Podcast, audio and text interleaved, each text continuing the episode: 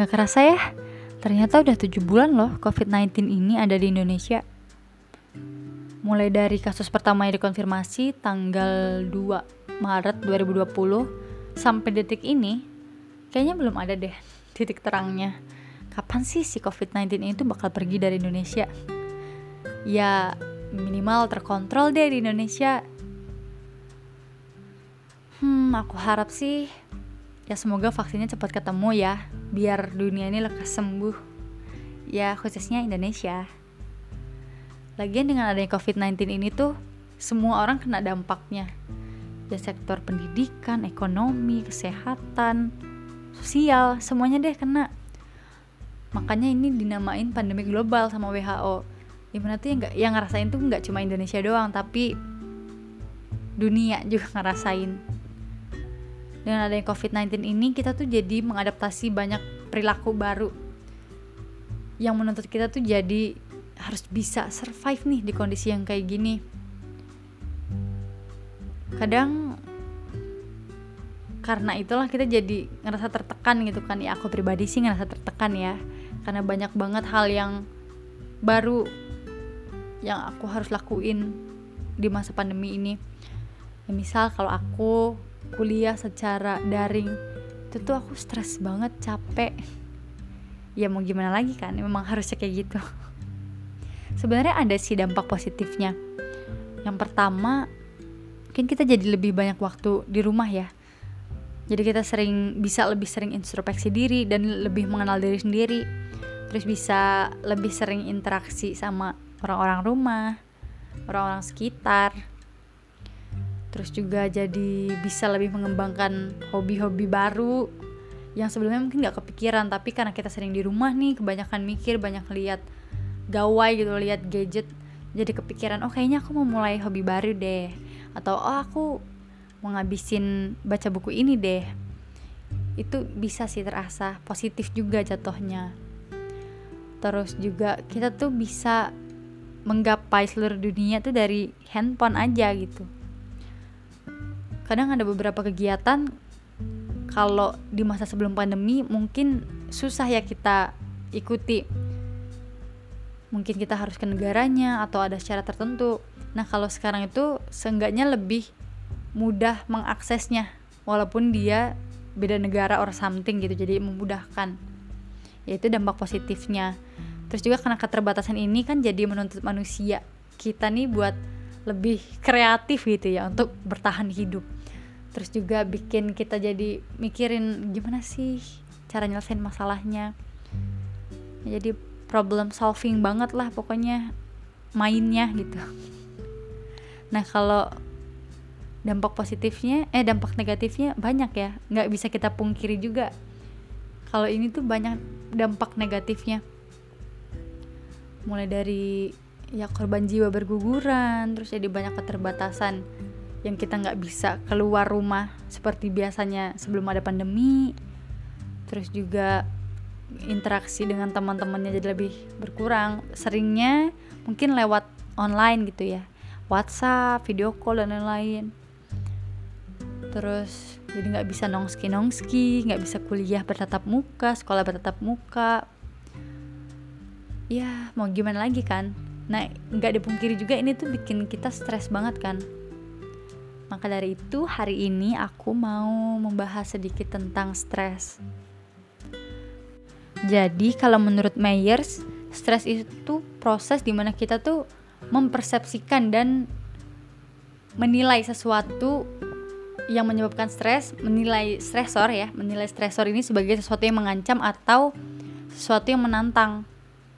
Di mana stresor ini alias si penyebab stres ini itu terdiri dari tiga jenis utama yang pertama itu bencana yang kedua itu perubahan signifikan yang ketiga itu ada peristiwa sehari-hari gitu nah untuk yang pertama ini jenis stresor yang pertama itu bencana di mana ini tuh sesuatu peristiwa yang tidak terprediksi dan biasanya berskala besar kayak tsunami, longsor, gempa. Pandemi ini termasuk nggak ya? Termasuk ya? Ya mungkin ya termasuk karena berskala besar ya. terus yang kedua itu perubahan signifikan dalam hidup misalkan ini kita ketika merasakan transisi nih hmm, ketika kita menikah atau ketika bercerai ketika kehilangan seorang ketika adanya perubahan dari satu hal ke satu hal yang lain yang bikin kita merasa oh ini mengancam deh. Ya misalnya kayak covid ini kan ada perubahan ya perubahan yang spesifik yang signifikan gitu dari sebelum pandemi dan sesudah pandemi. Ini juga menyebabkan stres banget ya. Terus yang ketiga itu ada dari peristiwa kehidupan sehari-hari. Ya karena teman spam chat lah atau karena ternyata tiba-tiba lampunya mati airnya mati tiba-tiba banyak orang klakson. Itu dari kehidupan sehari-hari ya. Nah terus gimana sih cara ngatasin stresnya? Atau sebutlah coping stresnya gimana? Jadi ada dua strategi yang disebutin oleh Myers ya di bukunya. Itu yang pertama problem focus coping, yang kedua itu emotion focus coping. Untuk problem focus coping sendiri ini tuh jadi menyelesaikan stresnya tuh ya berasalkan dari masalahnya gitu. Maksudnya ya diselesain deh masalahnya. Misalkan nih aku stres gara-gara aku berantem sama kakak aku. Ya untuk menghilangkan rasa stres ini aku harus nyelesain nih interaksi maksudnya apa yang salah antara aku dan kakak aku. Masalahnya diselesain ada banyak orang juga yang ngelakuin kayak gini. Cuman ketika kamu belum bisa nih maksudnya masih emang bener-bener stres dan nggak bisa langsung nyelesain si problemnya ada emotion focus coping. Di mana ini pertama kita menghindari dulu nih dari pemicu stresnya ini. Kita penuhi dulu apa sih yang dibutuhin dari diri kita. Emosi apa yang harus kita munculkan gitu. Maksudnya misal aku ada tugas deadline-nya tiga hari lagi. Terus aduh aku stres banget gitu. Tapi kalau langsung ngerjain si tugas ini tuh aku nggak bisa mikir. Jadi aku fokus ke emosi aku dulu. Aku redain dulu apa yang aku rasain si stresnya ini. Misalkan dengan aku ngelakuin meditasi relaksasi nonton film yang aku suka atau aku baca buku or something yang bikin aku seneng dulu deh kalau dulu. Baru aku ngerjain si tugasnya ini gitu. Kalau secara garis besarnya sih itu sih strategi copingnya. Atau mungkin kalau teman-teman butuh tips-tips gimana sih cara ngatasin stresnya? Mungkin kegiatannya bisa nih teman-teman belajar pernapasan. Sadari dulu kalau teman-teman tuh napas. Kadang tuh ketika kita stres kita tuh juga suka jadi panik juga kan kayak tiba-tiba pusing tiba-tiba kok aku sesak napas. Nah yang pertama tuh sadari pernapasan terus pelajari cara pernapasan biar rileks. Itu di YouTube banyak sih. Itu tuh bisa seenggaknya tuh kita jadi lebih sadar dan bisa mengatur apa ya mengatur ketegangan di dalam diri kita gitu akibat si stres ini nah setelah itu mungkin bisa mindfulness.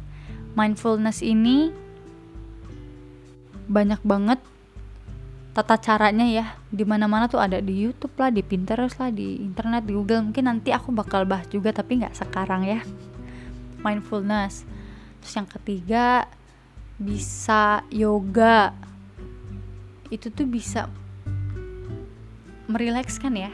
Jadi menimbulkan perasaan bahagia gitu dengan yoga tuh terus bisa juga melakukan hobi.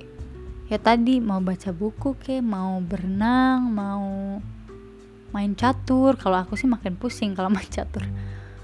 Terus dengerin lagu nonton film lakuin pokoknya yang teman-teman suka. Terus mungkin mencoba hobi baru kayak bercocok tanam atau belajar apa ya alat musik baru terus teman-teman tuh pasti butuh ngobrol. Cari teman ngobrol yang dipercaya ya. Kayak chit chat lah tentang apa kek ngobrol yang seru-seru. Kalau mau cerita pun boleh.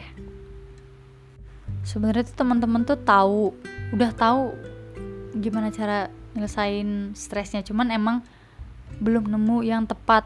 Maka dari itu ya dari sekarang mungkin bisa lebih mengenali dirinya ya setelah tahu nih tadi stres itu apa. Terus penyebabnya kenapa udah disadari ini aku. Stresnya tuh karena apa? Jadi bisa milih-milih juga coping mana yang sesuai sama aku apa aku problem center gitu atau apa problem fokus coping atau emotional fokus coping. Kadang kita juga bisa ngelakuin keduanya maksudnya ini tuh nggak berpatok. Seseorang tuh cuma bisa ngelakuin satu tapi bisa juga ngelakuin dua-duanya. Maksudnya di peristiwa A mungkin aku ngelakuin strategi yang A di peristiwa B aku yang B. Gitu deh. Sejauh ini sih itu aja sih yang mau aku bagikan. Mungkin untuk rangkumannya nanti aku bisa posting di Instagram ya your happy pills. Underscorenya dua. Di follow Instagramnya makasih juga udah dengerin semoga sehat-sehat selalu ya. Selamat malam. Ini aku malam sih tagnya. Ya selamat tidur